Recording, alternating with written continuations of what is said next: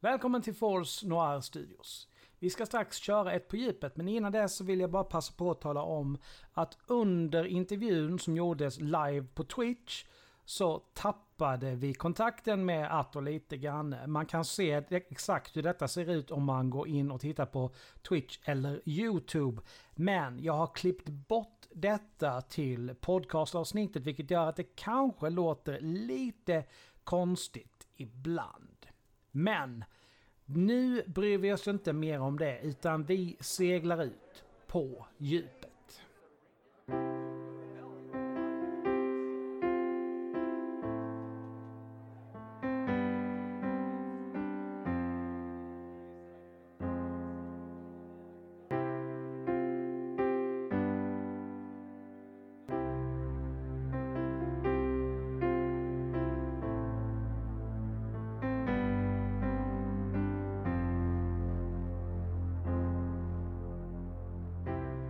Hej och välkomna till På djupet här på Force Noir Studios.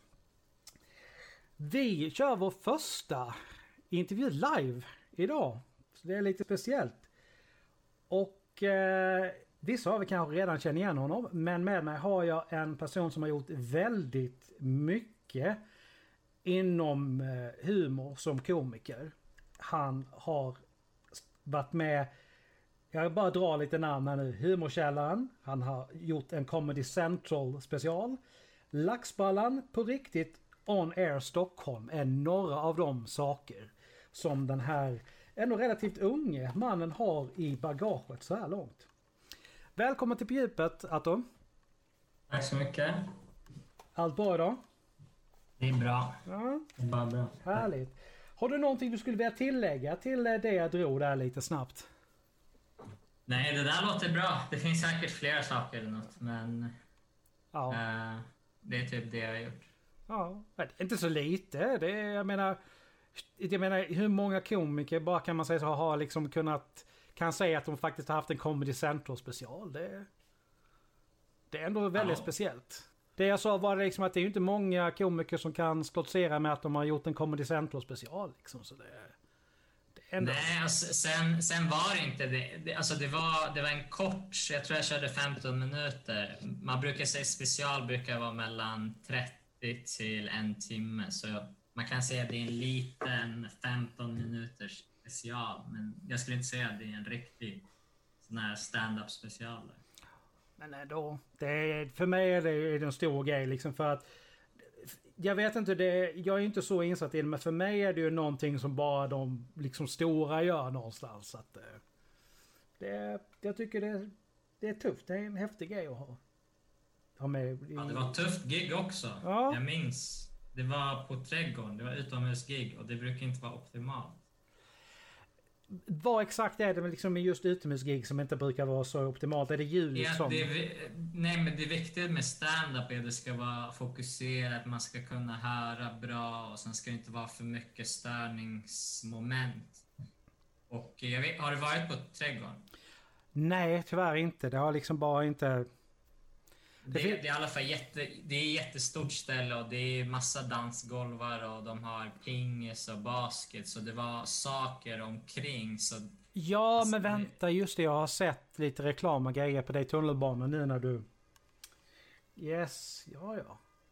Ja, okay. så det var, alltså, det var, det var inte optimalt. Alltså giget gick bra som tur, men det var inte det optimala stand-up förutsättningar. Nej, och så finns... åker tåget också ovanför så man ja. blir häcklad av tågljud. Och det. Ja. Men det är ju inte därför du är här idag. Du är här för att vi ska prata lite grann om kärlek.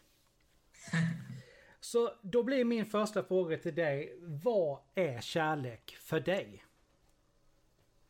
Uh, ja, det är en tuff fråga. Kärlek är väl... Uh Alltså kärlek kan vara på olika sätt. Det kan vara mellan, en relation mellan vänner, familj, med en partner.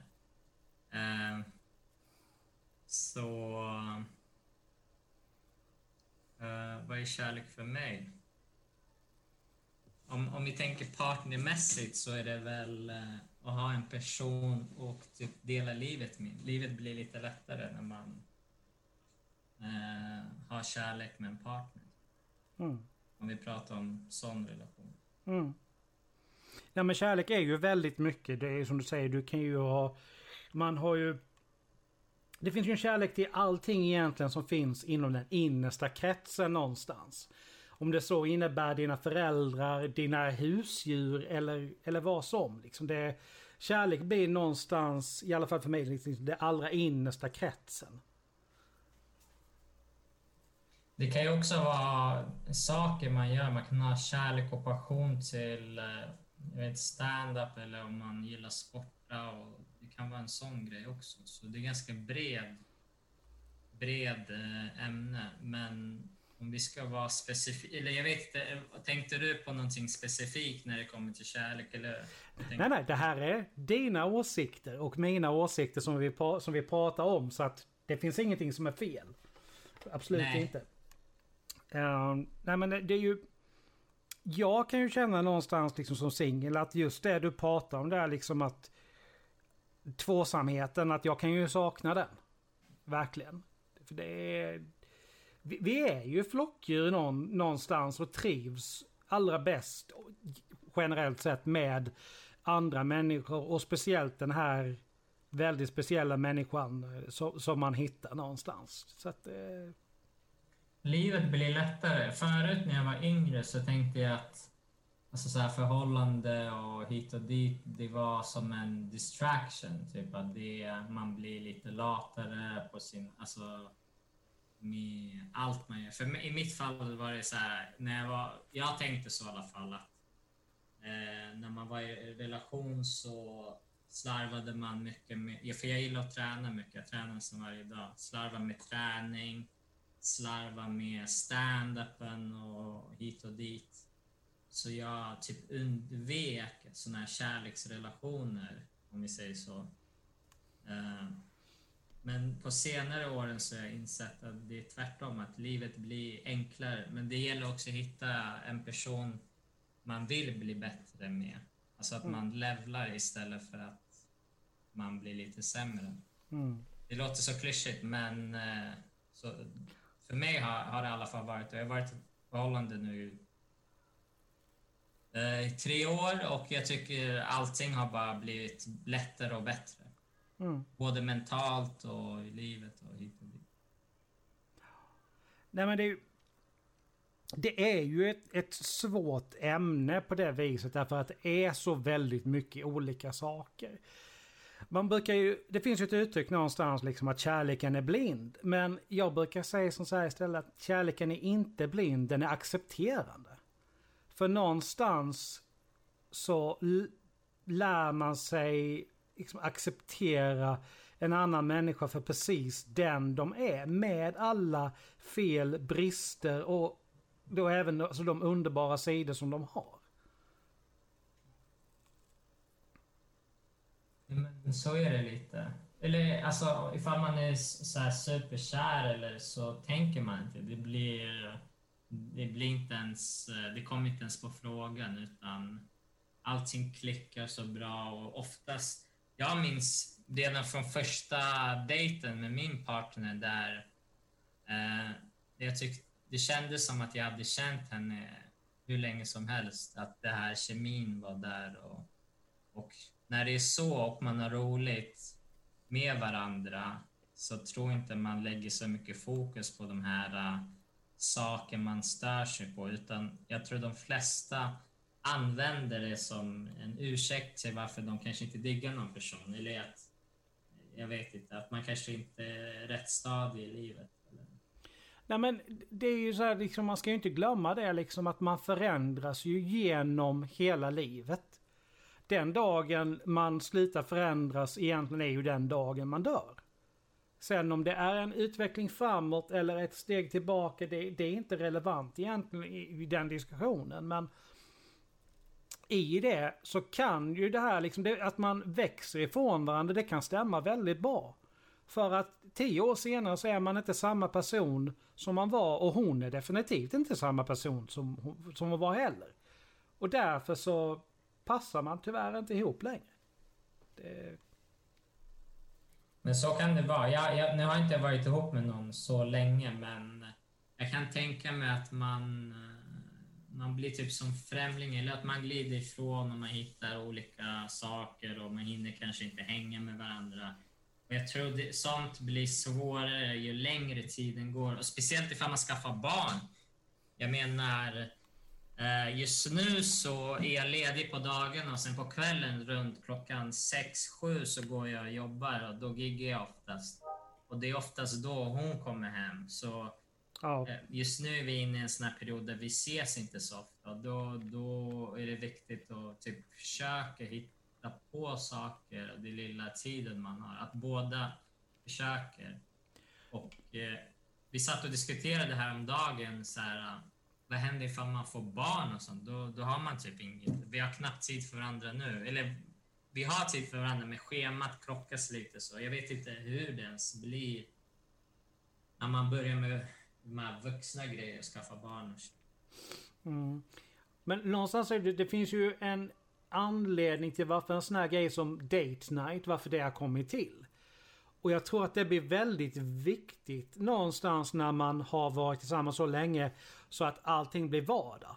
Nej, men vi måste ha tid där det bara är vi två. Vi fixar barnvakt om man då har barn och sen är det bara du och jag för den tiden är jätteviktig. Samtidigt så tror jag väldigt starkt på att det är väldigt viktigt att man har i alla fall ett eget intresse som man bara gör själv. För att tiden ifrån varandra är också viktig. Men dels så får man en chans att sakna den andra och dels vi är, även ifall vi är flockdjur, vi är inte riktigt gjorda för att vara liksom uppe på varandra hela tiden. Den, den självständiga delen av en själv behöver lite tid själv ibland. Verkligen. Och sånt under corona har ju varit precis tvärtom, där man har varit fastklistrad mm.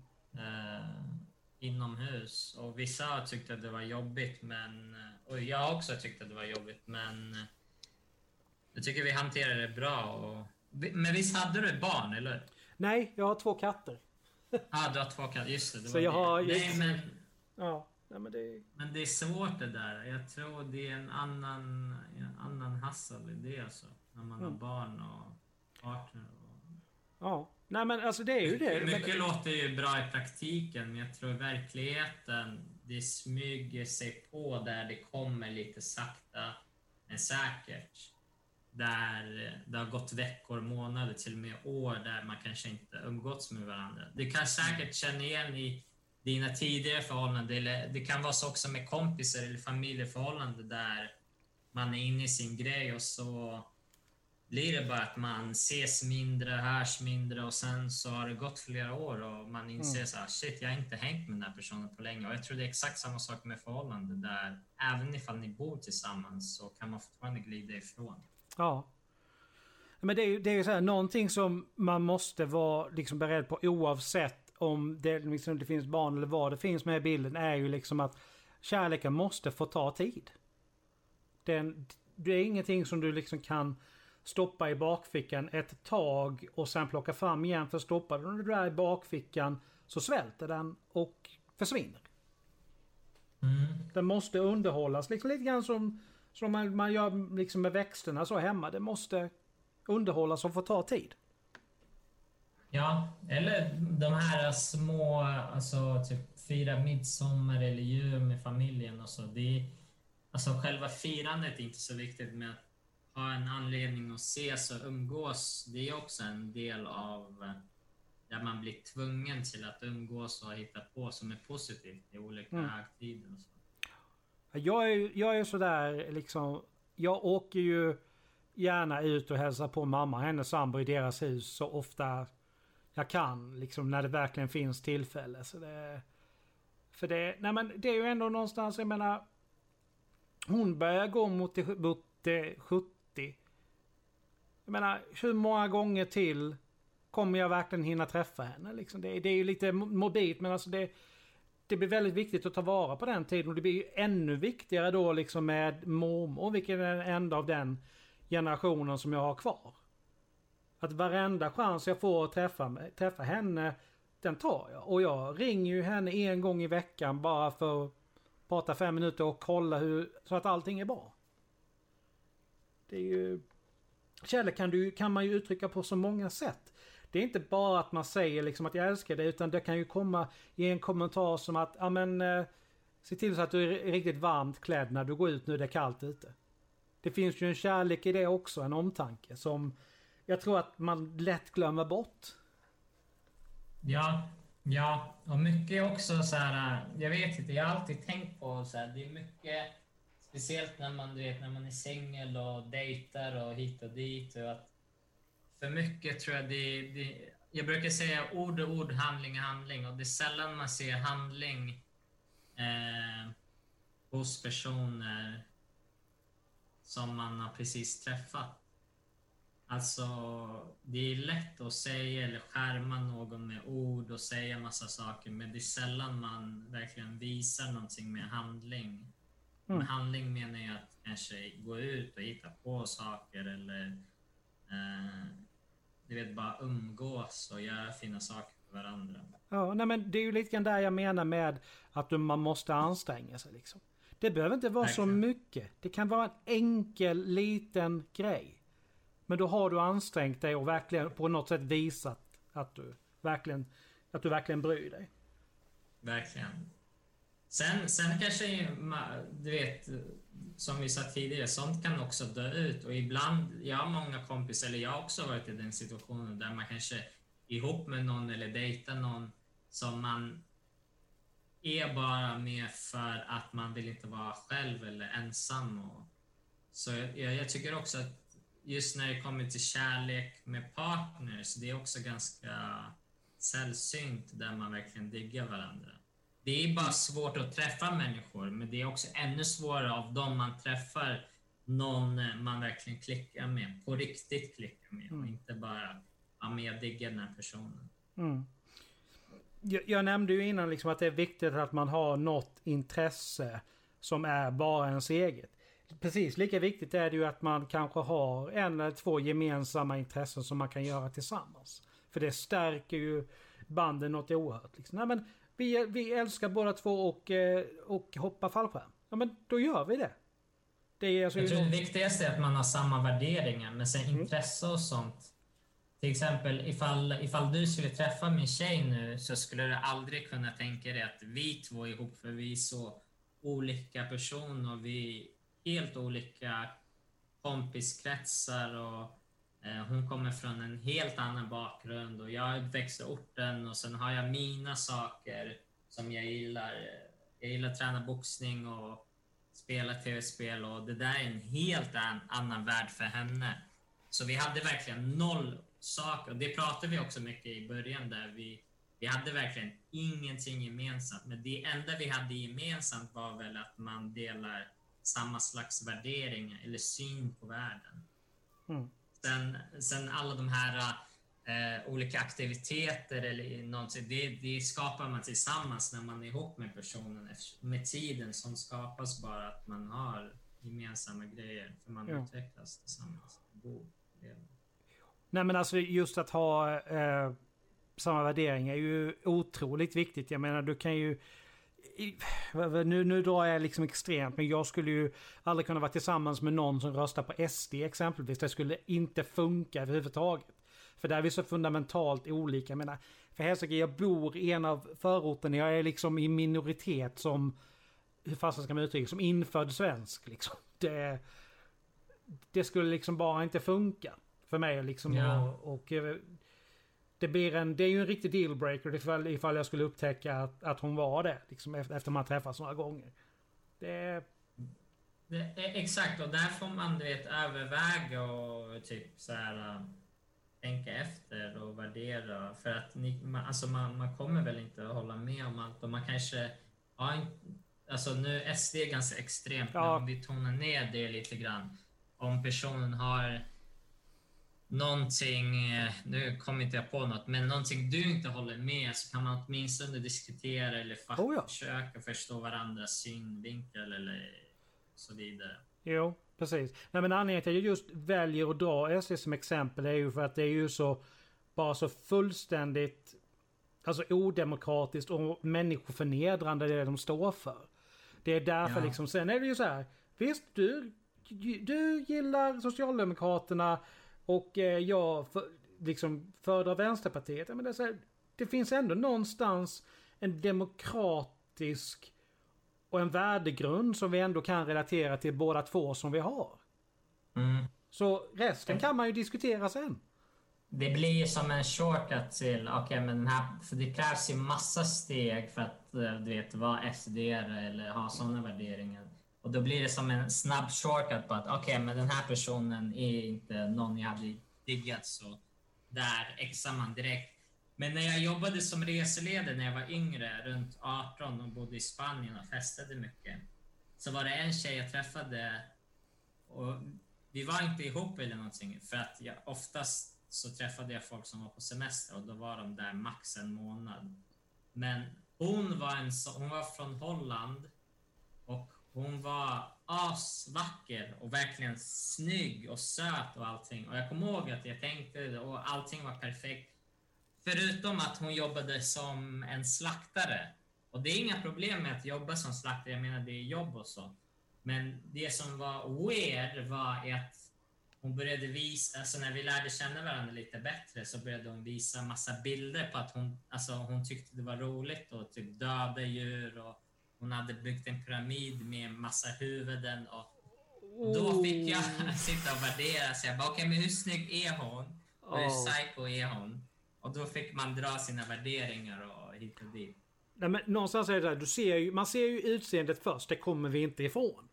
Men sen är det ju så här, personen kan vara jättevacker.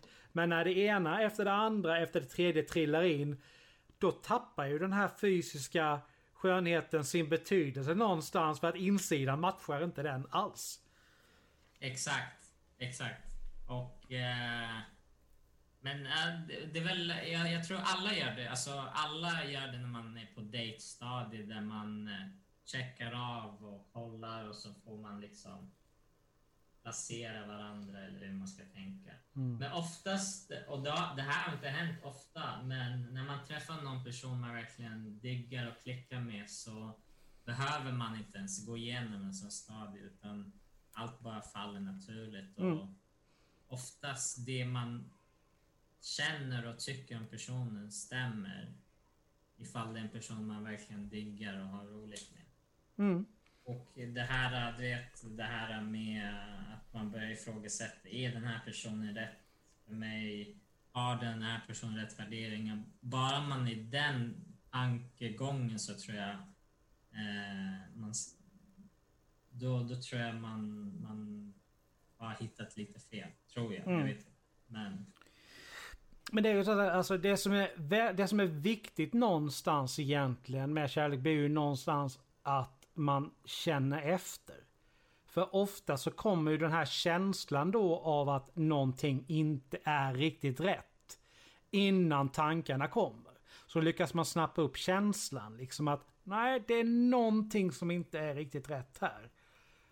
Så det är ju, och likadant så känner man ju liksom att nej men det här är bara 110% rätt. Exakt, och alltså vi, kill, vi killar är ganska, alltså nu drar jag generella, Mm. men killar överlag är ganska keffa på att Ja, ja. sätta ord på sina känslor. För att vi ofta känner någonting, men vi vet inte vad det är. Vi vet bara om det är en positiv känsla eller en negativ känsla. Medan tjejer är mycket bättre generellt än killar på att sätta ord och veta vad är orsaken till den här känslan, det jag känner och, och verkligen hitta och skala av det där. Medans jag vet inte, det har hänt speciellt när man är yngre och så, så här, när man träffar och det är inte bara med alltså, partnerrelationer, med vännerrelationer också där man, jag vet inte, man känner någonting och så glömmer man typ bort orsaken till varför man känner så, men känslan är fortfarande kvar. Och så går man runt med den här negativa känslan och man vet inte vad det är. Jag har varit jättedålig på det där, speciellt i standardbranschen där det är mycket, det är jättefin bransch och så, men det finns en stor majoritet av människor som har det här showbiz-tänk och armbågar sig framåt och vet, backstabbar varandra och speciellt när det kommer till pengar så ser man folk som har påverkat mig förut när jag var lite yngre. Det att man kommer in och så är det massa sånt shit. Och jag kunde inte sätta ord på vad som var konstigt eller fel. Utan jag kände bara, men det här känns inte bra. Mm. Tills jag började typ lära mig lite stegvis. Så fort jag känner någonting, jag direkt tänka, okej, okay, men vad, vad, är orsaken till varför jag känner så?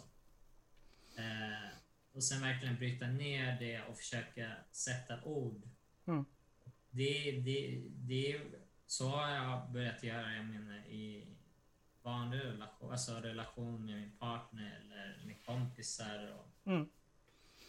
Men någonstans är, är det ju liksom sådär att det där du säger med att liksom att killar är dåliga på att liksom sätta ord på det. Det har ju också med att göra den här machokulturen som har funnits så jävla länge. Liksom att, nej men en kille gråter inte till en känslig scen på film eller vad det nu kan vara.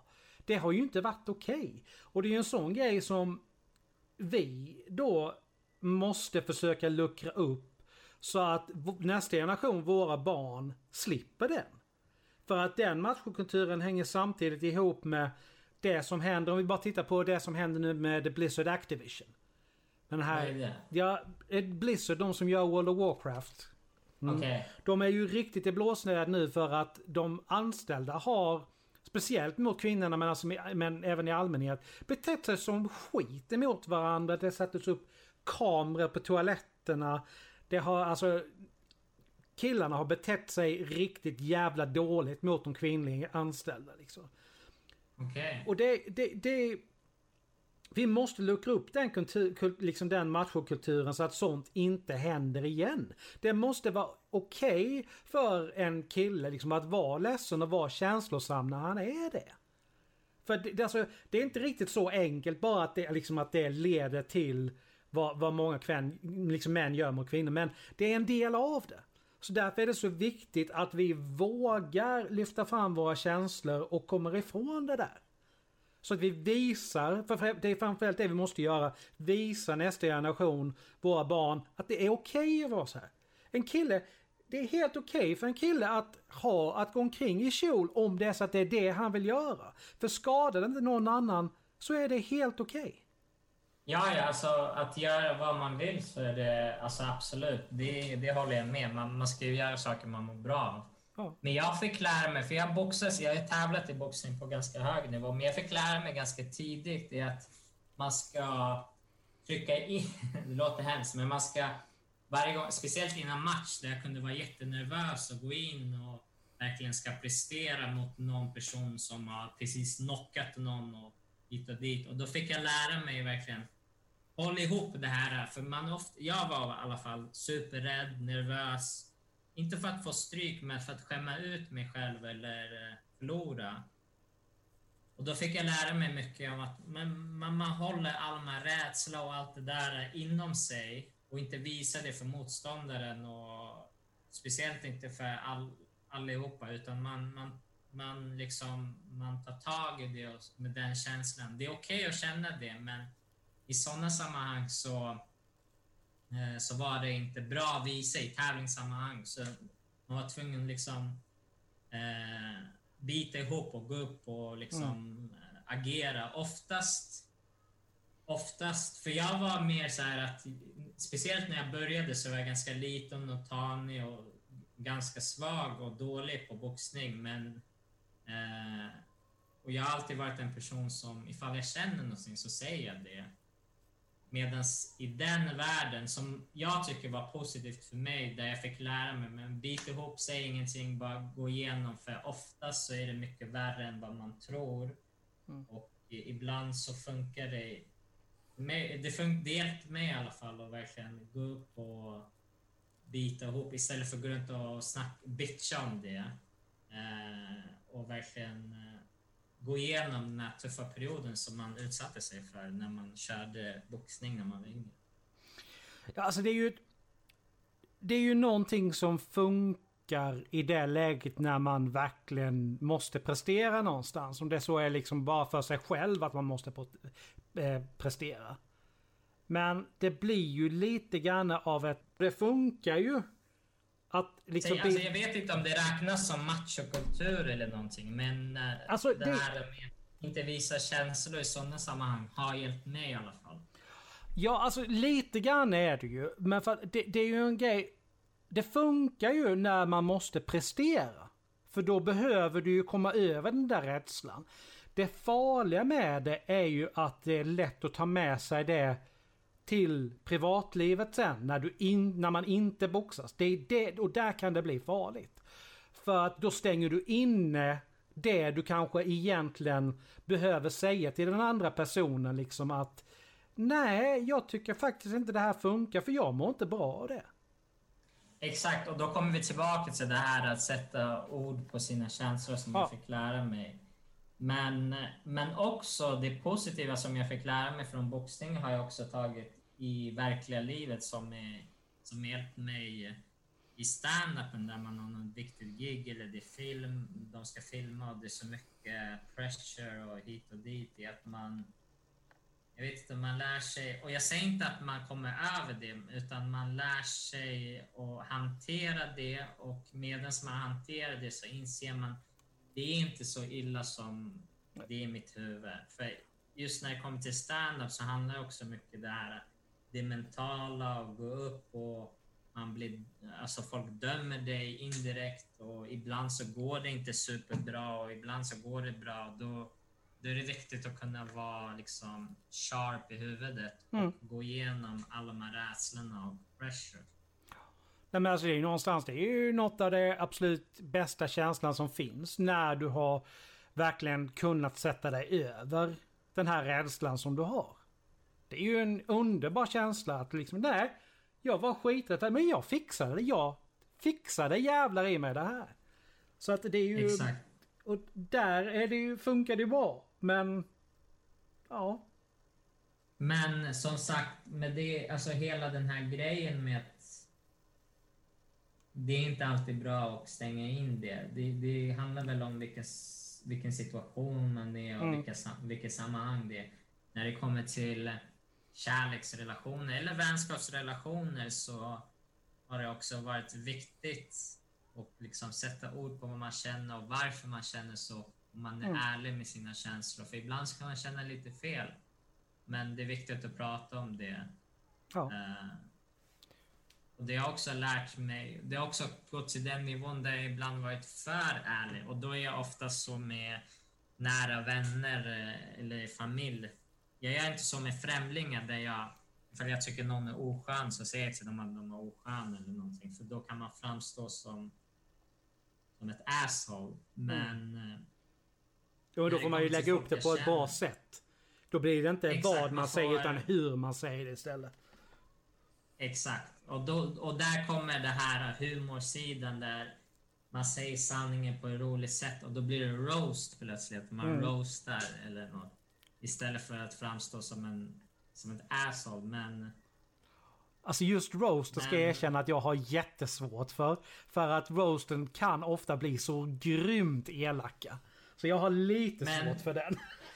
Men det där, det där kommer lite från, jag vet inte, jag växte i Akalla, alltså, orten och där, så gjorde vi i skolan när vi var små, där man roastar varandra och det, det gör man ju oftast med kärlek, vem mm. som kan ja, elakast. Och det börjar med, jag vet inte, till och med alltså i förskolan när man börjar dra din mamma-skämt och sådana saker. Så det, det, handlar väl om hur man hanterar det eller ja. vilken slags, vart man är lite uppväxt. Ja. Men jag, jag ska bara be... den har sin skärm. Mm. Jag ska bara be om ursäkt. Mitt brandlarm gick under två sekunder där. Jag vet inte riktigt vad det var som hände. Nej, nej men, äh, nej men alltså det är ju man brukar ju säga det att, liksom, att ärlighet vara längst, men det är inte riktigt sant alla gånger. Därför att, som du säger, blir du brutalt ärlig, då är man ju bara elak någonstans. Så att det, men det, det är svårt. Det roliga är, eh, det roliga är med stand-up ju ärligare du är, desto bättre. Det, det är också så här, det, det, har varit massa så, som en balansgång för mig och... Eh, du vet, vad jag i alla fall känt, de sakerna jag fått bäst respons för var ofta saker som man har varit brutalt ärlig. Mm.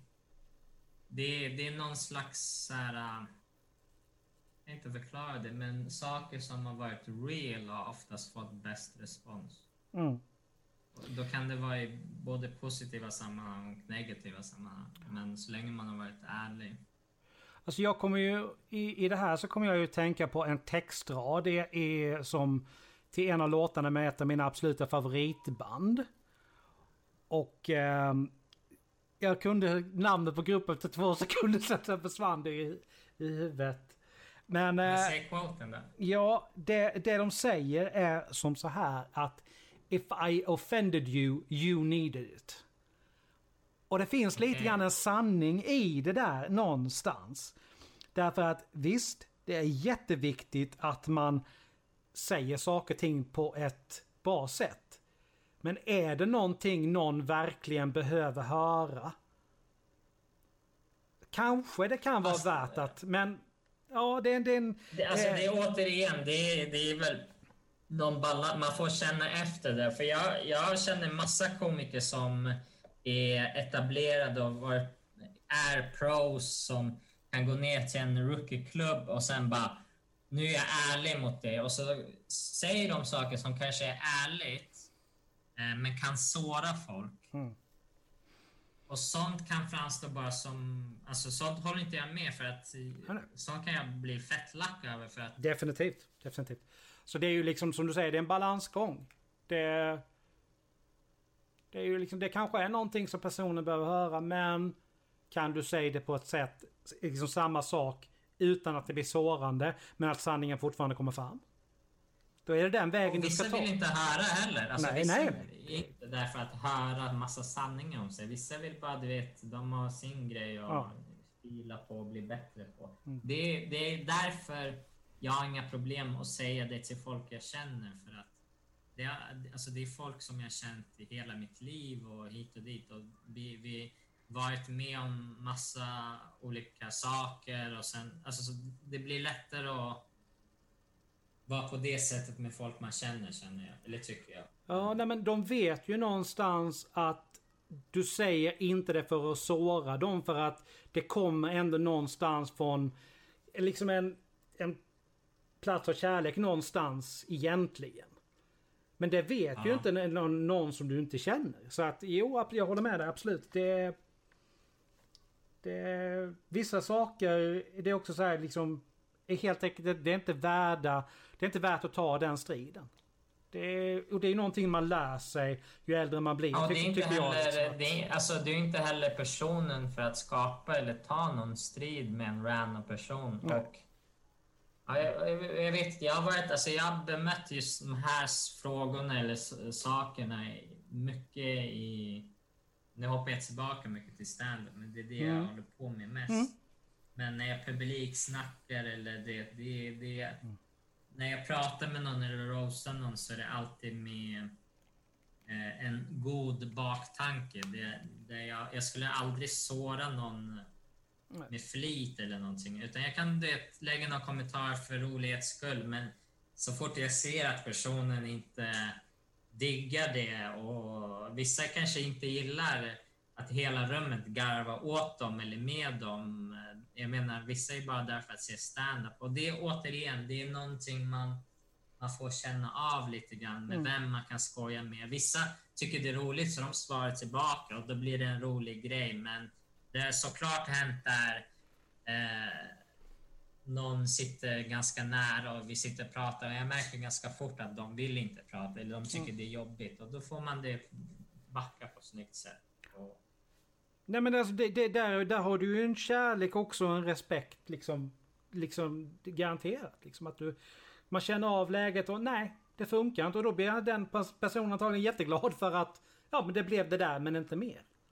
Där är ju, där är ju kärlek också på ett sätt. Liksom. Det, och en respekt ja. definitivt ja. mellan, mellan dig och den personen ja. i det läget. Men alltså innan vi, vi, för vi måste tyvärr avrunda. Så tänkte jag bara så här liksom, alla komiker råkar ju ut för att de blir häcklade någon gång. Hur hanterar du det? Alltså, jag har en sån stil som är ganska loose. Jag pratar redan ganska mycket med folk och har gjort det i några år. Och det började i grunden med att jag, jag tyckte det var för tråkigt av att köra med mitt material i det sättet och sen det, bara gå in och ut. Och då började jag lite, liksom genuint vara nyfiken på folk och frågade och ifall, när jag bodde i England, där har de ju, de är lite mer öppna för den här häckelkulturen där folk skriker saker. Och jag kan tycka det kan, alltså det är roligt inte när jag är inne i min grej, någonting jag planerat, någon monolog eller någonting jag vill berätta och jag är inne i det och sen skriker någon och stör. Det kan fucka men ofta så har jag inga problem med att folk skriker någonting. Då, då blir det någonting i rummet och man jiddrar. Eh, mm. Men jag, jag har faktiskt inte fått så mycket eh, negativa häcklingar. Inte lika mm. mycket som mina kollegor som har kört ungefär lika länge som mig. Mm. Ja men det är ju det är kul att höra liksom det, ändå att det inte är så mycket. Med, jag har haft gig också där man har giggat på någon så här liten ort någonstans på landet och så går man upp med så superglad energi mm. och så skriker någonting, någon, någonting rasistiskt. då vet man, speciellt då så var jag ganska ny och då visste inte jag skulle hantera det. Och då går hela gigget åt helvete och så sitter arrangören bara vi betalar ju dig pengar, varför levererar du inte? Bla, bla, bla. Och så står man där och så sitter typ så 300 pers i publiken. Och, ja, men sånt där är... har man också. Sånt där är tråkigt, men det... Ja. Mm, då, då, med tiden, är det jag har lärt mig, ifall man, man känner ganska snabbt av ifall en häckling Ofta så är alla häcklingar negativa, men det finns ju folk som skriker för skojs skull eller de märker att de känner sig att de hjälper till eller någonting. Men mm. det har också varit de här negativa häcklingarna och då hör man det ganska snabbt.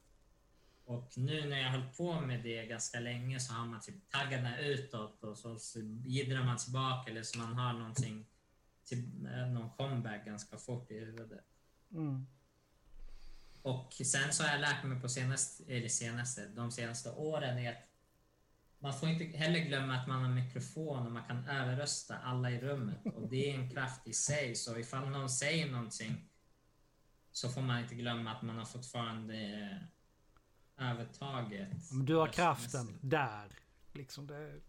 Ja. Mm. Lite grann så. Men... Tack så mycket, det har varit jättetrevligt. Eh, var kan man eh, se dig härnäst? Om det är så att man skulle vilja se lite stand-up. Man får helt enkelt följa mig på Instagram och så lägger jag upp på min story sån här swipe up biljettgrej när jag giggar och, eller har mm. event på gång och så. Och mm. nu har jag ganska många event men jag jag brukar vänta med dem tills det är samma vecka och då blir det lite aktuellt så mm. man inte släpper allt på saker som är längre mm. fram. Vi eh, länkar till den i eh, poddavsnittet. Eh, jag är osäker på hur jag länkar det i, i Twitch-videon men vi löser det om inte annat i, när det här kommer upp på Youtube samtidigt som det här avsnittet går live i podden i september. Eh, tack så mycket för att du var med. Tack så mycket för att ni har tittat och eh, eller lyssnat beroende på vad det är ni sitter vid. På djupet är tillbaka om en månad och tills dess så får ni ha det så bra i eh, värmen. värmen. det är början av augusti när vi spelar in det här. Ta hand om er så hörs vi snart igen. Stay tuned. Tack för att jag fick vara med.